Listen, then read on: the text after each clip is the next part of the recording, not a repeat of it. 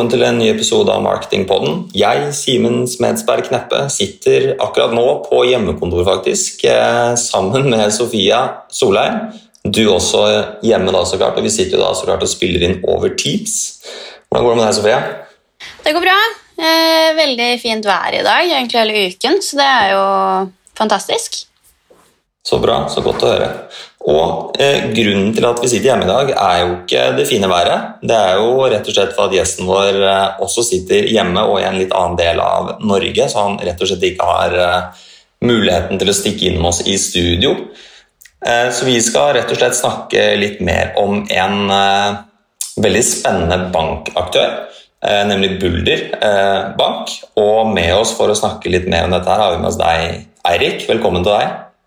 Tusen takk. Du kan jo få å introdusere deg selv. Hvorfor er det akkurat du som deg vi skal snakke med nå i dag? Nei, jeg tipper dere vil snakke med meg, for jeg er um, markedssjef i Bulder. Um, ja, jeg kan ta en kort uh, liten recap av uh, historien min. Uh, kom til Bulder i 2019, vel før Bulder var lansert. Før der igjen så var jeg i S-banken.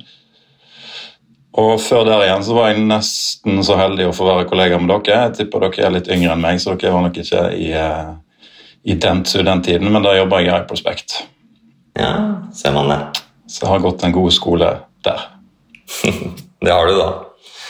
Eh, jeg tenker For eh, de av våre lyttere som kanskje ikke helt vet hva Bulder er, så kanskje vi kan starte litt med det. Hva er egentlig Bulder, og hvorfor skal vi eventuelt vite mer om det? Ja, jeg tenker, altså Hvis du trekker en tilfeldig person ut på gaten, så er det vel rundt om 40-50% sannsynlighet at han vet og har hørt om Ulla før. Altså, er jo kanskje deres lyttere litt ekstra oppegående folk, så kanskje litt flere enn de har hørt om Buller, men jeg kan godt uh, fortelle litt. Uh, Bulder er en bankutfordrer, uh, lansert 2019. er en del av Sparebanken Vest. Det kan vi nok komme tilbake igjen til. Um, har da vokst fra null kunder og null kjennskap eh, i 2019 til snart 50 000 kunder, og som sagt en kjennskap på 40 på, på landsbasis. da. Eh, litt mer hvis du ser i Oslo, Viken-området, ligger vi på ca. 50 mm. eh, Så det har vært en eh, har oppnådd ganske mye på de, på de årene vi har vært i, i sving. Definitivt. Eh, det er jo allerede ganske mange banker i Norge. Eh, hva er det som gjør Bulder unikt, eller hvorfor var det et behov for Rulder? Ja, Det spørsmålet har vi fått mange ganger. Jeg kan forstå at mange tenker at det er, det er mange banker i Norge, og de er òg eh, veldig like, de fleste av de.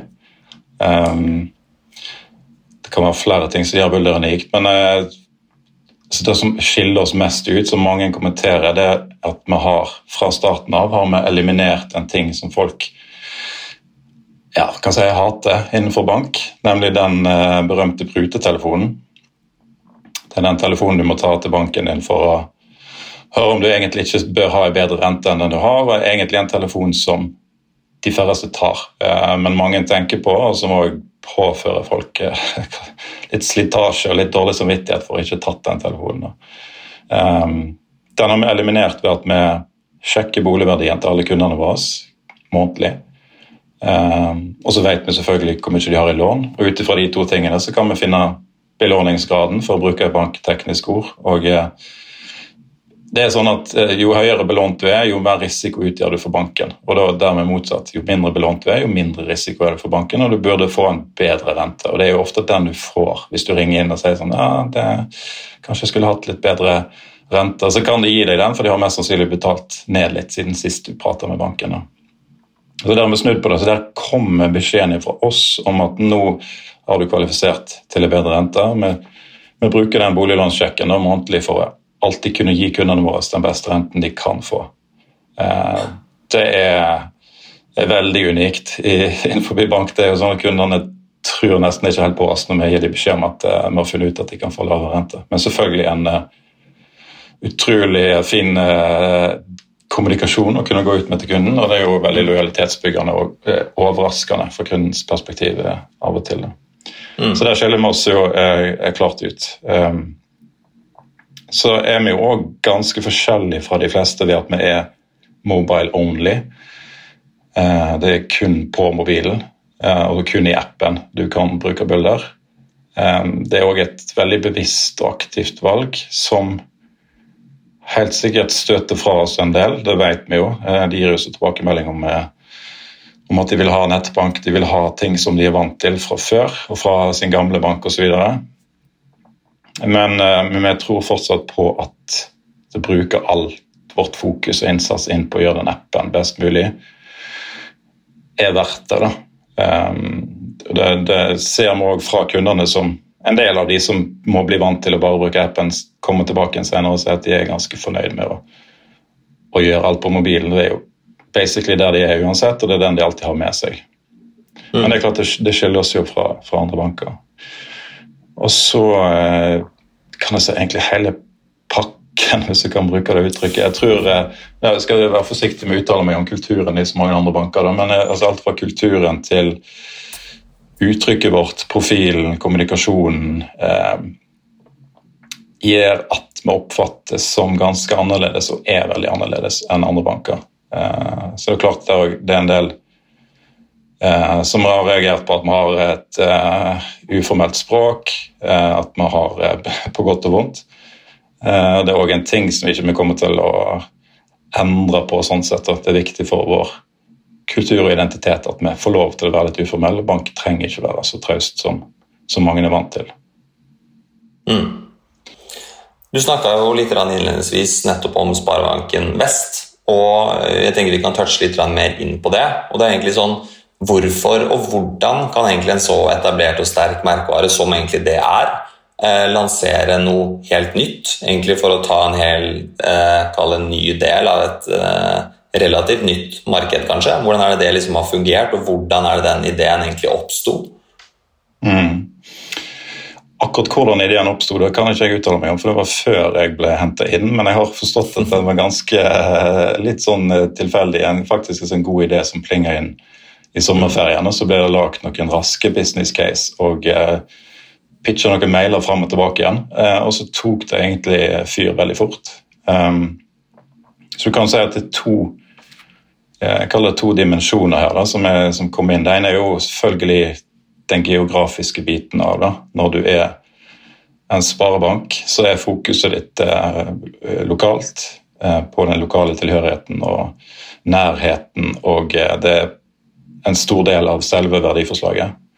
Så har det vært sånn at Sparebanken Vest ganske tidlig gikk litt motstrøms ved å istedenfor outsource IT-kompetanse ut, bygde opp et veldig sterkt eh, IT-kompetanse in-house. Eh, som igjen førte til at eh, f.eks. mobilbanken til Sparebanken Vest var retta som nummer én på Google Play og AppStore. Så de skjønte at de hadde på en måte muskelkraft og kompetanse til å bygge noe som var synd at bare Vestlandet skulle få være med på. Så det er jo den ene biten. Men det er klart at en sparebank som heter Sparebanken Vest, har ikke den samme punchen i merkevaren i Finnmark eller i Trondheim eller i Oslo. Eh, så det var naturlig å ha en annen merkevare eh, når vi går ut eh, nasjonalt. Så det er den geografiske biten av det. Men handler det òg vel så mye om selve verdiforslaget i, i banktjenestene. da. Sparebanken Vest som Eller du kan si du kan dele et bankmarked i to. Du har en del av kundene vil se på banken som en relasjon det er, altså på en måte, det er den kontaktpersonen du har som på sett og vis er banken for deg. De er veldig opptatt av å kunne komme i kontakt med den, at den kjenner deg, at den husker deg igjen fra sist osv. At du har ja, så De måler verdien på banken sin ut ifra relasjonen til kontaktpersonen. Så har du den andre delen av markedet, ser mer på bank som altså litt mer instrumentelt syn som bank som et verktøy eh, for å få ting gjort. Og relasjonen er en mindre viktig del av det. Da. Så der er det vel eh, ganske tydelig at vi er designer for å henvende oss til den delen av markedet som ser på bank som et verktøy og liker, altså aller helst vil fikse tingene sjøl. Mm. Eh, og kan ikke levere på den relasjonsbiten som Sparebanken Vest kan levere på. Så det er veldig fint for kundene å kunne velge det, måten de blir betjent på, da, ut ifra sin preferanse. Eh, så, så snakk om å utvide markedet både geografisk og behovsmessig. Mm. Du har jo vært borti noen punkter på hvordan dere skiller dere ut, og hva som gjør dere unikt. Eh, og det er jo sikkert en kombinasjon av disse unike punktene som gjør at dere har lykkes, men er det noe annet du tenker er hovedgrunnen til at det har gått så bra? For det har jo økt kjennskap veldig sterkt siden dere lanserte. Eh, så er det noe spesielt du tenker skiller seg ut der, eller er det Ja, altså jeg tenker um, sånn uh, Basically så er jo altså Hele ideen er jo en god idé i seg sjøl. Det uh, vil jeg tro at òg mange andre tenker når de hører resonnementene bak, at det, det, er jo faktisk en ganske god idé bak der. Uh, og så har vi fått vi, har, vi, får veldig mange forespørsler fra type innovasjonsmiljø, startup-miljø som er interessert i den type inhouse startup under etablert paraplyprosjektet vi har hatt. da. Fordi det, det, er et interessant case. Eh, og der har vi jo så du kan si at Støtten vi har fått fra Sparebanken Vest eh, generelt og konsernsjef spesielt har vært eh, enormt viktig for å få fart på, på sakene. Um, vi har òg tiltrukket oss eh, flinke folk. Et sånt offensivt case med veldig hårete mål fra starten av. Eh, målene var veldig tydelige og veldig ambisiøse. Har òg tiltrukket seg mye flinke folk. og har vi sett at vi har vært enten heldige eller dyktige med å få typ, altså, rette kunder inn tidlig òg. Alle disse teoriene om early adapters og sånne ting har slått til, og vi har sett at de, de har blitt begeistra, selv om ikke alt har vært helt ferdig. og det er litt sånn der, eh, koden er rykende varm, og sånne ting, så har jeg bare syntes det er veldig gøy. Eh, og satt pris på at ting er litt beta og sånne ting i de første, første periodene. Eh, og på en måte vært eh, både ambassadører og litt sånn tålmodige med oss den første tiden. Så det har vært eh, det er gøy å se at den teorien slår til i praksis, som en har lest om. Og så tenker jeg at siden det er marketingpodden jeg er med på i dag, så, så vil jeg også dra fram markedsarbeidet vårt, og spesielt bruken vår av Needscope, som kom inn veldig tidlig, eh, heldigvis, og som var med på å eh, Som sagt, ideen var god, men utførelsen var eh, Når du skulle finne navn og profil og identitet og retning, var ikke helt enkel. Men ved hjelp av arbeidet med Needscope, som da er et posisjoneringsverktøy for merkevarer, så, så skjøt hele greiene voldsom fart og ga oss en har gitt oss en tydelighet da, som, som har nytt godt av i kjennskapsbyggingen. Mm. Veldig spennende. Eh, og mens vi snakker om markedsføringen av dette, her, så er det jo også det som er vil jeg tro kanskje noe av det mest spennende for de som sitter og lytter også. Eh, og Det er jo ikke noe tvil om at det markedet dere skulle inn i, er jo mildt sagt ganske tøft å måtte konkurrere mot, både med tanke på de på selskapene som er jo enormt store. Markedsavdelingene er jo også mest sannsynligvis veldig store. Budsjettene er veldig veldig høye. Hvordan har dere liksom klart å, å konkurrere mot dette? Hvordan har dere måttet jobbe for å tilpasse dere et såpass tøft marked og klare å bryte igjennom? Ja, det er um, Det er jo et godt spørsmål. og det er um, Altså det, det, ligger jo litt i kortene når vi er få. altså Jeg kan si vi er tre stykk per eh, mm. dags dato. Vi var mm. to veldig lenge. Eh, altså inkludert meg sjøl. Så det, det, er ingen stor avdeling, eh, tror jeg de fleste vil være enig i. Eh, og konkurrentene er sikkert ti ganger med oss i både menneskelige ressurser og budsjett. Så da sier det seg sjøl at vi må må i hvert fall strekke oss imot og prøve å tenke å være litt smartere. Bruke de få ressursene vi har bedre. Men altså, vi blir tvungen til det. det er ikke noe, Jeg påstår ikke at vi er smartere, men vi er bare nødt til å prøve å være smartere eh, hele tiden. Og så blir det litt som å eh, sitere en, eh, en, ganske forferdelig fyr, eh, men han har jo sagt noe smart. Eh, Mr. Murdoch, eh, Rupert Murdoch sa at det er jo ikke lenger det big beating the small, men det er fast beating the slow som, som gjelder. og det er ser vi jo at det er ofte en fordel å være små òg. Det er veldig kort vei fra diskusjon til beslutning til action med de samme folkene som tar strategiske valg, som sitter og er hands on på, på mange av de tingene som skal ut. Så har vi selvfølgelig eh, gode byråer og sparingspartnere som vi jobber med. Men eh, veldig mye av valgene våre handler om å eliminere ting. Og mm. eh, være ekstremt fokusert på det essensielle. Da. Det høres kanskje litt svevende ut, men det, det, det har vært litt enkelt for en blir tvungen til det. Eh, men det kan være vanskelig i en markedsavdeling, for det er en type eh, jobb eller altså Det er et fagområde som veldig mange har en mening om. Um, og vi får jo ofte sant, Hvorfor er ikke dere mer aktive på Instagram, eller hva skjer med Snap-strategien deres, eller hvordan uh, tenker dere TikTok osv. Når vi er tre stykker, så så har vi i en del tilfeller bare sett på hverandre og tenkt sånn Ja, shit. Er Med, kanskje vi altså Du kan bli litt usikker på deg sjøl fordi at det er så mange områder du gjerne skulle ha dekka. Eh, men der har vi funnet både kalle trygghet, men òg en veldig motiverende retning i å rett og slett eliminere oss. Si til oss sjøl at det, her er det ganske mange bevisste valg og konsekvenser av at vi er få som er som har blitt nødt til å ta det. Så Hvis jeg, jeg kan komme med et tips til lytterne, så vil jeg gjerne anbefale eh, boken 'Essentialism', som du kan eh, lese for alle mulige formål i livet ditt, både profesjonelt og personlig, eh, som rett og slett handler om å, å fjerne alle de ikke-essensielle tingene for å sitte igjen med de viktige. Det er supernyttig. Mm. Jeg tenker helt til slutt, mens vi, mens vi først er inne på tips er det noe dere er spesielt stolt over at dere har gjort, og noe som har fungert veldig godt, som som kan tipse flere om å vurdere, og kanskje også prøve å gjøre?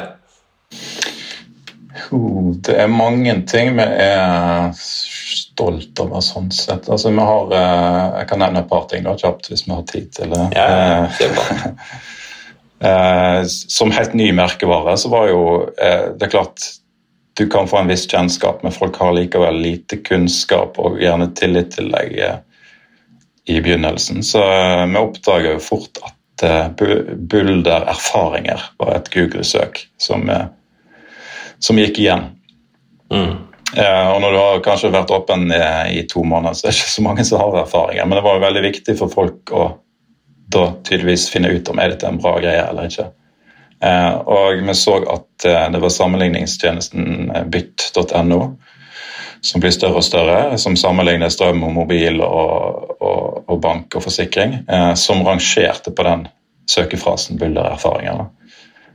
Så vi gikk inn og, og tok et aktivt forhold til, til de kommentarene som kom inn på Bytt. Der kan du svare som, som bedrift. Prøve å svare veldig fort og, og ja, være til stede på byttet. og Det har jo gitt oss en, eh, en voldsom vekst. Vi så jo der etter hvert så begynte anbefalingene å komme inn eh, på mm. bytt. Mm. Og så så vi at eh, bølgene av Det går gjerne litt i bølger i vår bransje. Det er ikke sånn at folk eh, tenker så veldig mye på bank alltid. Men eh, det finnes jo perioder der eh, f.eks. korona kommer, eller eh, renten blir enten veldig høy eller veldig lav, så kommer bølgene. og For hver gang så har vi hatt større og større trykk. Da. Og det tror jeg har også, mm. mye med at f.eks. bytt.no har vært en plass der de som er fornøyd, kunne vise det fram på en, på en troverdig måte. Så det er et tips eh, spesielt til, eh, til, nye om at folk vil, vil lete etter erfaringer eh, hvis du er ny aktør. Um, så kan jeg òg eh, slå et slag for eh, radio. Uh, hvis det er interessant for lytterne, det vil jeg gå ut ifra.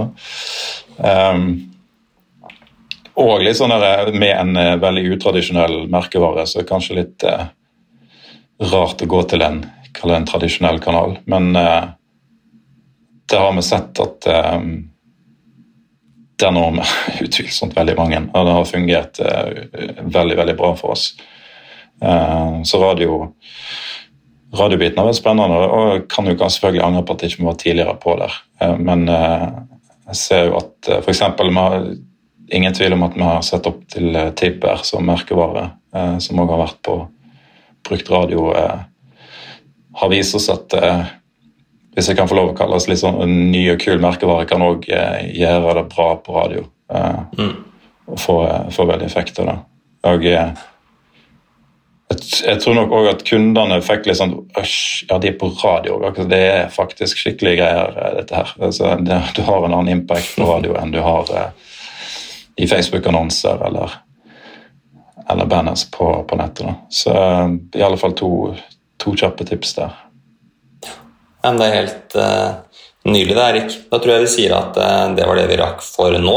Uh, tusen hjertelig takk for at du, at du rett og slett tok deg tid til å snakke med oss, selv om det er eh, ja, det føles ut som det er eh, juli ute. Så med det så tenker jeg at vi sier eh, tusen hjertelig takk, eh, og på gjensyn. Og så snakkes vi igjen. Yes, ha det bra. Ha det bra.